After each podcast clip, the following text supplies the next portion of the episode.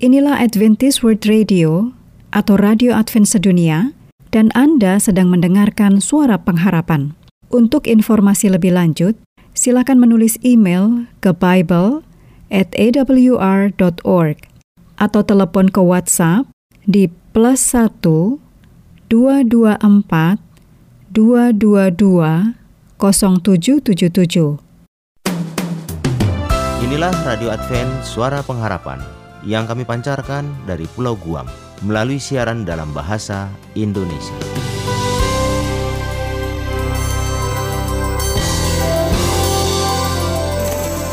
Salam sejahtera kepada saudara pendengar di mana pun Anda berada.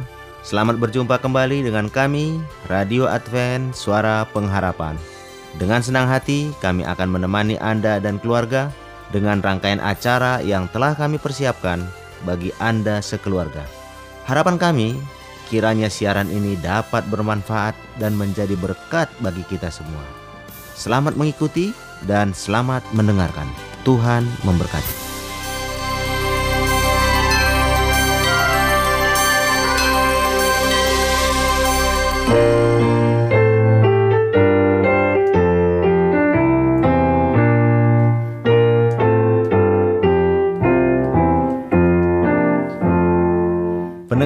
Budiman, Anda akan segera mengikuti ruang Alkitab menjawab yang akan disampaikan oleh Pendeta Andri Dembani dan Ayura Joseph Mani.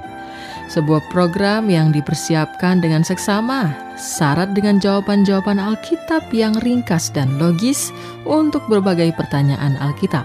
Dari, studio kami ucapkan selamat mengikuti. Surga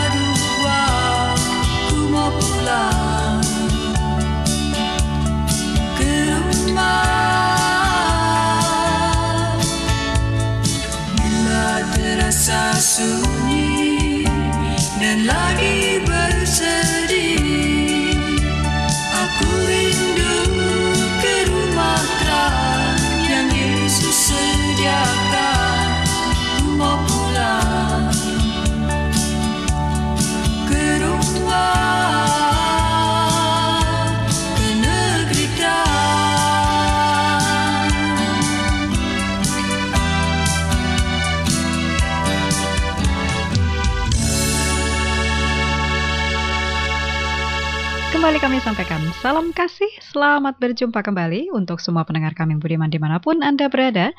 Secara khusus saat ini saya dengan senang hati akan bersama dengan Anda sekalian untuk melanjutkan ruang Alkitab menjawab. Kita patut mengucap syukur pada Tuhan untuk berkat pemeliharaan yang kita terima sampai saat ini dan kami sangat berharap bahkan seluruh keluarga pun dari para pendengar juga tetap ada dalam perlindungan Tuhan ya. Kami juga selalu mengucap syukur karena Tuhan sudah mengutus hambanya, Pendeta Andri Daimbani, untuk selalu menyediakan waktu melayani kita dalam ruang Alkitab menjawab ini. Dan saat ini beliau sudah hadir bersama dengan kita para pendengar sekalian. Mari kita sapa lebih dahulu beliau. Terima kasih pendeta, selamat datang nih sudah hadir bersama dengan kami hari ini. Terima kasih ya, mau melayani Sama-sama. kami juga. Sehat-sehat kan pendeta, semua keluarga juga? luar biasa luar biasa sehat sehat Ini semua hanya karena pertolongan Tuhan ya Amin. pendeta ya. Kita bagaimana Ayura sendiri ya hal yang sama sudah yang kami sama. terima ini pendeta Baik, dan kami berharap pendengar juga ya menerima hal yang sama. amin Oke, pendeta ini kita eh, langsung saja ya para pendengar kita em, sambung dengan pertemuan kita yang sebelumnya dan ini Mhm. masih dalam topik bahasan surga. Nah, pada pertemuan yang sebelumnya kita berhenti di suatu keadaan pendeta sudah tuntun kita untuk melihat dari Alkitab bagaimana kota itu digambarkan ya. Betul. Panjang, tinggi, luasnya sama jaraknya 2400 km. Cobalah hitung sendiri para pendengar dari mana ke mana? Kalau dari Jakarta saja itu bisa sampai ke Ternate. Dan kemudian saat ini seperti yang sudah kami sampaikan sebelumnya, kita akan lihat lebih jauh apa saja aktivitas kehidupan di sana. Karena coba saja kalau saya pergi dari satu kota ke kota lain, itu pasti ada perbedaan nih pendeta. betul Ya dari Jakarta ke Bandung saja, itu ada perbedaannya dan ada beberapa hal yang kita lebih nikmati di Bandung daripada di Jakarta. betul Apalagi kalau ke negara lain, apalagi kalau yang waktunya berbeda. Nah di surga itu bagaimana tuh gambarannya pendeta? baik saya mau berusaha mencoba untuk membayangkan bila Oke. mana anda yang punya kesempatan untuk menikmati tempat-tempat yang bagus di dunia ini Mhm. apakah itu di tempat-tempat seperti apa ya taman bermain Ya, ataupun juga perumahan yang mempunyai fasilitas yang bagus ataupun daerah eh, di pedesaan yang memiliki cuaca yang bagus Mhm. dan juga iklim tumbuh-tumbuhan yang hijau. Saya tidak tahu bila mana kita melihat hal seperti itu, apa yang ada dalam pikiran kita. Wah. Yang pasti kita tenang. Iya. indah, bagus untuk Tenang mata, bagus senang. untuk kesehatan Mhm. dan intinya adalah menyenangkan. Tidak heran di tengah-tengah perkotaan seperti kita yang hidup di kota, khususnya Jakarta, Mhm. para developer yang tadi Ayura sebutkan itu berlomba-lomba untuk membawa suasana desa di dalam kota. di dalam. Karena apa? Mereka menyadari bahwa iklim suasana ini sudah tidak menyenangkan lagi. Betul. Jadi perlu ada dibuat supaya uh, menjadi uh, suasana Seolah-olah ya menyerupai menyenangkan. Nah, apa yang ditempatkan di dalam situ bervariasi. Ada yang taman bermain, ada jogging track, ada tempat olahraga Mhm. dan berbagai fasilitas. Mhm. Maksudnya untuk apa? Supaya penghuni daripada tempat tersebut tidak usah keluar jauh-jauh, semua sudah ada di Bisa situ. dilakukan di situ, betul. Dan ini membuat orang yang tinggal di tempat tersebut Betah. menikmati, Iya, betah. Betah. Tapi saya mau kasih tahu para pendengar dan juga Ya. Yura, sesenang-senangnya Anda tinggal di tempat yang seperti itu, sebetah-betahnya Anda tinggal di tempat yang nyaman seperti itu, sorga yang Tuhan telah sediakan, dunia baru yang tadi kita yang kita sudah bahas dalam pembahasan sebelumnya, bahwa ini adalah satu tempat yang luar biasa. Saya tidak punya kata yang Tepat cukup untuk itu ya. untuk mengungkapkan, melukiskan, menggambarkan betapa indahnya, menyenangkannya tempat yang uh, Tuhan sudah tunjukkan pada Yohanes Pewahyu. Saya mau kasih tahu, mungkin kita hanya bisa menggunakan referensi dalam Alkitab Ya, untuk bisa menggambarkan. Ya. Coba mungkin Ayura boleh bantu saya di dalam saya Yesaya pasal 65. Yesaya 65 ayat 21 dan 22. Ini Baik. adalah gambaran kecil apa yang akan dilakukan bila mana orang-orang yang sudah ditebus, diselamatkan itu berada di dalam kerajaan sorga. Orang mungkin berpikir begini, wah kalau kita sudah masuk di sorga, kita akan selalu memuji Tuhan. Betul, kita akan selalu bernyanyi. Iya, kita pernah bahas itu ya. bayangkan, Bayangkan kalau kita dari pagi ya Nyanyi nyanyi saja terus. Waduh, saya pikir memang walaupun dalam suasana kesucian bisa ju- capek juga mungkin ya. ya atau mungkin suasana jadi monoton kalau Iya. seperti itu. Oke. Tapi apa yang akan dibuat? Coba lihat di dalam dua ayat tadi yang saya sebutkan. Baik, Yesaya Yesaya 65 ayat 21 dan 22 ya. Mereka akan mendirikan rumah-rumah dan mendiaminya juga. Mereka akan menanami kebun-kebun anggur dan memakan buahnya juga. Mereka tidak akan mendirikan sesuatu supaya orang lain mendiaminya. Dan mereka tidak akan menanam sesuatu supaya orang lain memakan buahnya.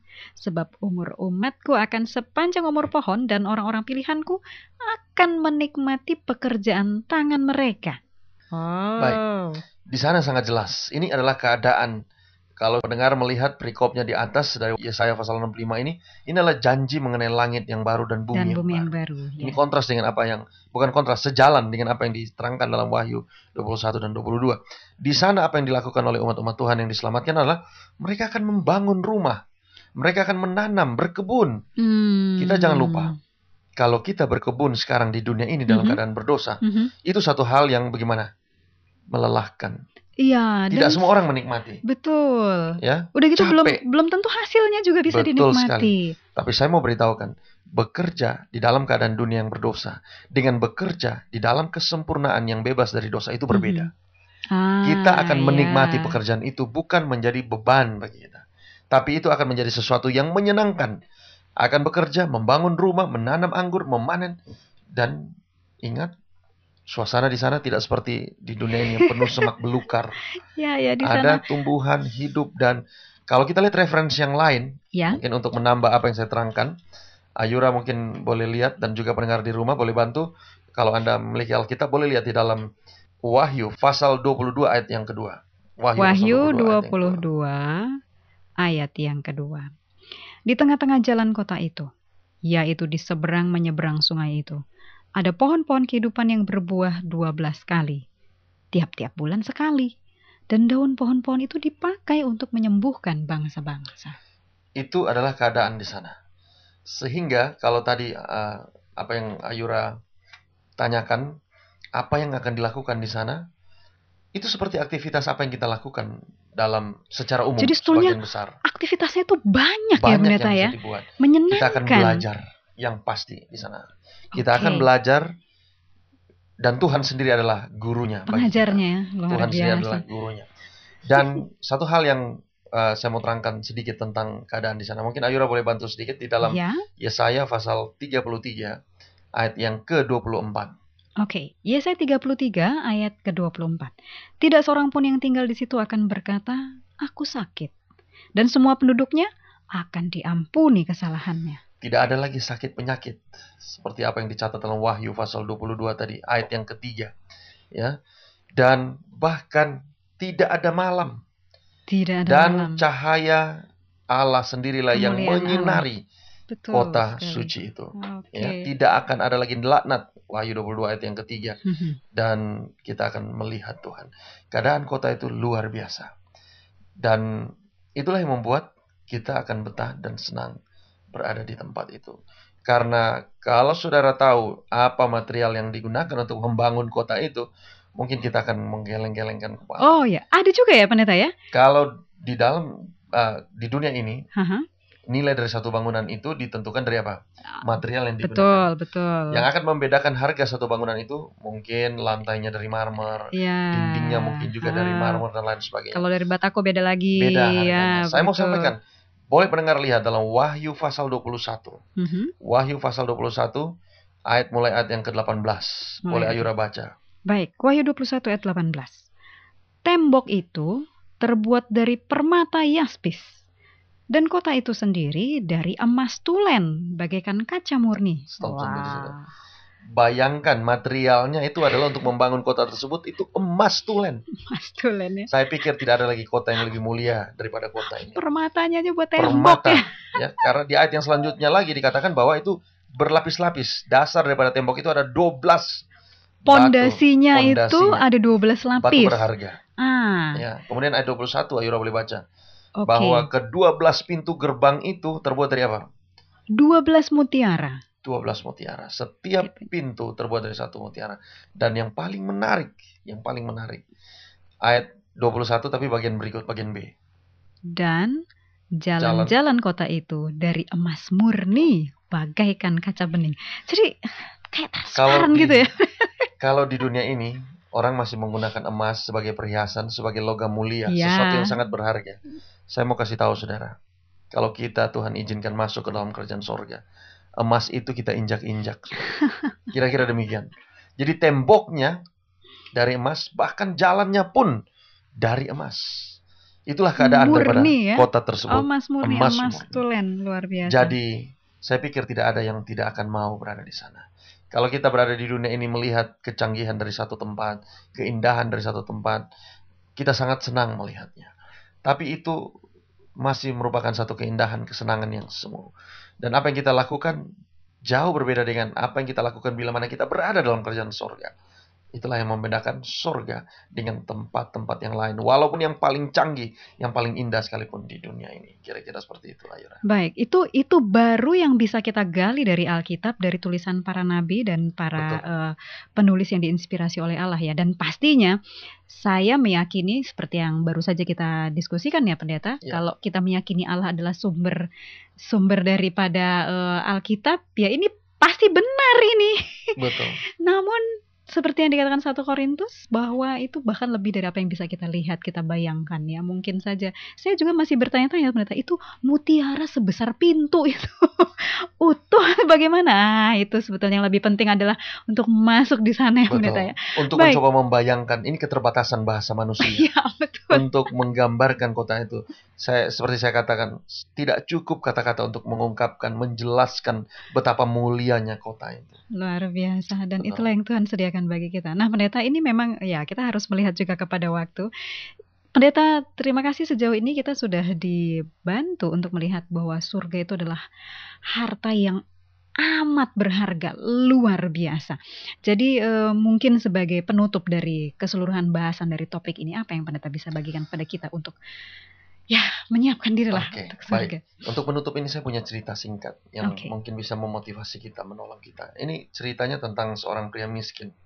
Dia mata pencariannya hanya seperti, ya mungkin boleh saya katakan kayak pemulung di Hmm, tempat di mana dia tinggal. oke. dan eh, dia tidak bisa menikmati keadaan seperti kebanyakan orang bisa nikmati karena dia harus berusaha sekuat tenaga untuk bisa melakukan eh, pekerjaan untuk dia bisa bisa hidup bisa melanjutkan kehidupan dia Baik. dan dia adalah seorang Kristen satu kali Oke. di satu tempat pembuangan sampah seperti biasa kerjaannya adalah memulung memungut sampah sementara dia mengosongkan eh, muatan hariannya yang berisi sampah atau kotoran-kotoran yang lain yang kira-kira dia masih bisa gunakan eh, dia menemukan satu kaleng Eh, kaleng ini agak berat isinya Hmm. dan setelah dia buka ternyata sudah tahu apa yang ada dalamnya Mhm. di dalam kaleng tersebut dia melihat sejumlah uang penuh terisi Hmm. gumpalan-gumpalan, gulungan-gulungan Hmm, uang yang hmm. diisi dalam kaleng itu, uang Oh, kertas Ya. sampai begitu berat. Oh. Kemudian, ya saya tidak tahu kalau kita yang ada dalam posisi ini apa yang kita buat, tapi berbeda dengan orang ini. Mhm. Bisa saja sebetulnya dia tergoda untuk menggunakan itu. Mhm. Sebagai manusia, khususnya pria yang miskin, yang tidak punya apa-apa, Mhm. ini pasti akan menjadi satu berkat bagi dia. Tapi sudah tahu apa yang dia lakukan? Orang petugas atau pemulung yang adalah orang Kristen ini, dia kembali mentrace dari mana kantong sampah itu. Dia bawa kembali, dia coba cari satu persatu kantong-kantong yang dia ambil tadi, Mhm. dan kemudian dia coba berusaha mencari dari mana sumbernya. Oke. Dan akhirnya dia menemukan bahwa yang memiliki kaleng itu adalah seorang janda tua yang tanpa sengaja dia membuang tabung yang berisi duit itu. Oh. Ayura tahu dan juga pendengar akhirnya pria pemulung tadi ini mengembalikan kaleng yang berisi gumpalan uang yang begitu banyak di dalamnya kepada sang janda. Nah, ceritanya mungkin hanya sampai di situ. Hmm. Tetapi eh, tahun berlalu dan dia sudah tidak mengingatnya lagi apa yang Hmm. dialami. Mhm. Apa waktu sudah berlalu kurang lebih eh, mungkin 6 7 tahun Mhm. tiba-tiba pemuda ini eh, dia yang sudah lupa akan peristiwa tadi dia dapat sepucuk surat panggilan dan panggilan datang dari kantor pengacara. Oh. Dia takut dong, tentu dia pikir apa yang terjadi? Salah apa ini ya? apa yang salah? Kemudian dia pergi ke kantor tersebut dan dia berpikir sepanjang jalan pasti dia sudah melakukan satu kesalahan. Pada waktu dia datang di hari yang ditentukan dan dia bertemu dengan seorang yang berada di sana, sudah tahu, Ayura juga tahu, Mhm. hatinya dipenuhi dengan kebahagiaan dan ucapan syukur yang luar biasa. Mhm. Apa yang terjadi? Dia menerima satu surat warisan. Oh. Isinya adalah bahwa janda yang tadi dia kembalikan Uang tabungannya itu? tabungannya itu Mhm. mewariskan kepada pria ini rumah, tanah dan bahkan isi daripada rumahnya sebagai warisan dari uh, janda tadi diberikan kepada pria ini.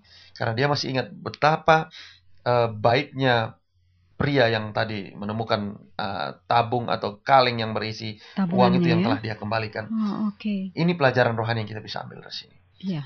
Bagi kita sekarang warisan sementara disiapkan. Iya. Apakah kita takabur atau apa ya hilaf dengan warisan godaan-godaan yang lain yang mungkin sebetulnya eh, tidak seberapa besar jika dibandingkan dengan apa yang Tuhan sementara siapkan untuk kita. sekarang. Ini tantangan untuk kita. Begitu banyak hal-hal yang menarik yang mungkin di pandangan mata kita menggoda kita, Mhm. membuat kita lupakan warisan kita yang sesungguhnya. Sorga itu seperti warisan yang diberikan oleh janda tua ini kepada pria tadi. Bahkan lebih dari itu. ya, Bahkan Pak, lebih ya? dari itu, Tuhan sementara menyediakan sesuatu yang besar bagi kita. Jangan sampai kita terpengaruh dengan hal-hal yang kecil yang ada di pemandangan mata kita saat ini yang menghalangi kita untuk berada masuk ke dalam kerajaan surga. Jadi Luar saya mau mengundang baik pendengar maupun juga Ayura, Ya. biarlah kita boleh dapat memfokuskan pikiran kita kepada harta yang sesungguhnya, warisan yang sebenarnya yang Tuhan telah sediakan bagi kita, yaitu kerajaan sorga yang hidup yang kekal, di mana kita nanti akan hidup selama-lamanya di dunia ini. Itulah tujuan utama kita. Kita tidak akan hidup selama-lamanya di dunia ini, tapi kita akan hidup bersama dengan Tuhan selama-lamanya di sana. Maukah kita pergi ke sana? Anda boleh dapat jawab sendiri. Oke, baik. Terima kasih pendeta karena waktu juga yang membatasi kita. Terima Betul. kasih karena eh, motivasi bahwa kita harus melihat kepada harta kita yang sesungguhnya yang Tuhan sudah siapkan untuk kita warisi. Dan para pendengar, bila Anda memiliki pertanyaan, silahkan sampaikan studio. Alamat lengkapnya Anda bisa dapatkan di akhir dari program Radio Advent Suara Pengharapan. Dan berita sebelum kita berpisah, tolong supaya kami didoakan Baik. semuanya untuk pelajaran ini. Mari kita sama-sama berdoa. Bapa kami yang bersemayam dalam kerajaan sorga, kembali kami datang kepada Tuhan. Kami berterima kasih kepadamu oleh karena beberapa sesi yang sudah kami lewatkan. Ya. Bahkan sampai dengan saat ini, kami sudah boleh menyelesaikan suatu pembahasan tentang sorga yang engkau telah sediakan bagi kami umat-umatmu.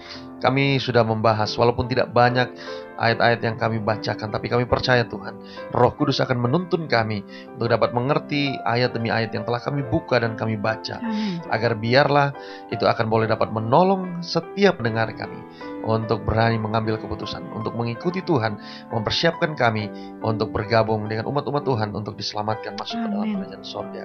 Bapa di sorga, berkatilah kami semua para pendengar dalam keadaan kami masing-masing, di dalam pergumulan kami, di dalam segala kebutuhan kami, biarlah Tuhan berkati kami, berikan sukacita, kebahagiaan, berikan uh, satu kerinduan kepada kami yang besar, agar kami boleh dapat memiliki sorga dalam kehidupan kami. Terima kasih Bapak, terima kasih. Berkati kami dalam pembahasan kami selanjutnya, karena kami serahkan semua ini dalam nama anak Yesus Kristus, Tuhan dan Juru Selamat kami. Amin.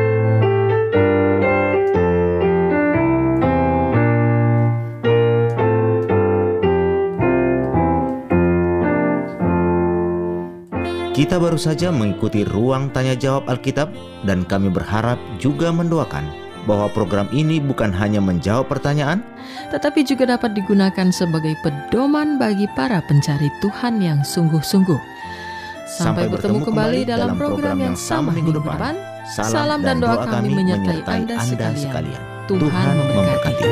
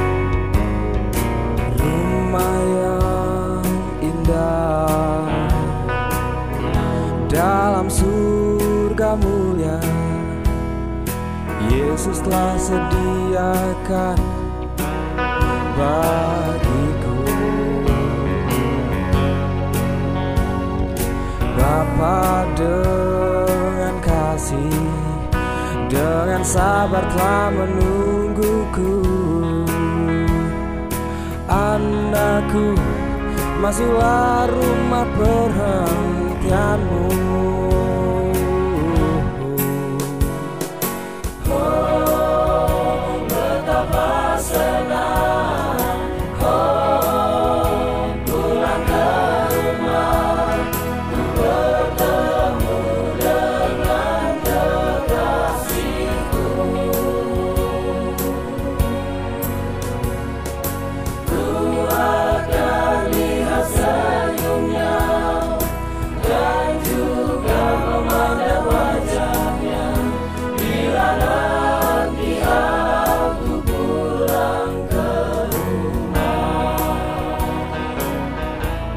Demikianlah rangkaian acara yang dapat kami persembahkan hari ini. Dan apabila Anda mempunyai pertanyaan atau ingin mendapat pelajaran Alkitab penemuan baru, silakan menghubungi kami. Mengirimkan surat ke alamat Radio Advent Suara Pengharapan. PO Box 8090 Jakarta 12810 Indonesia. Anda juga dapat menghubungi kami melalui telepon atau SMS di nomor 0821 1061 1595 atau Anda dapat menulis di email kami awrindonesia@yahoo.co.id. Anda juga dapat bergabung di Facebook kami Pendengar Radio Advent Suara Pengharapan atau di Radio Advent Suara Pengharapan. Terima kasih kami ucapkan bagi Anda semua pendengar kami yang setia. Kita akan berjumpa kembali pada waktu dan gelombang yang sama esok hari. Salam kasih dan sejahtera. Kiranya Tuhan memberkati kita semua. Rumah yang di surga Aku rindu ke sana Di sana tak ada lagi air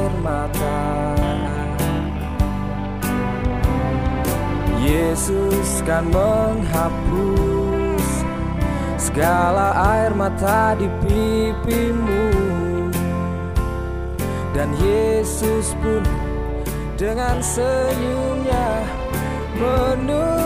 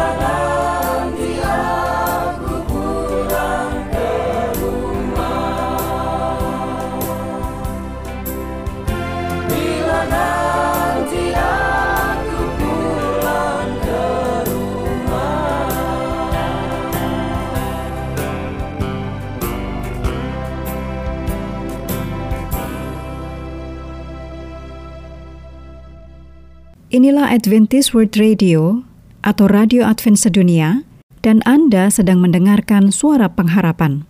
Untuk informasi lebih lanjut, silakan menulis email ke bible at awr.org atau telepon ke WhatsApp di plus 1 224 222 0777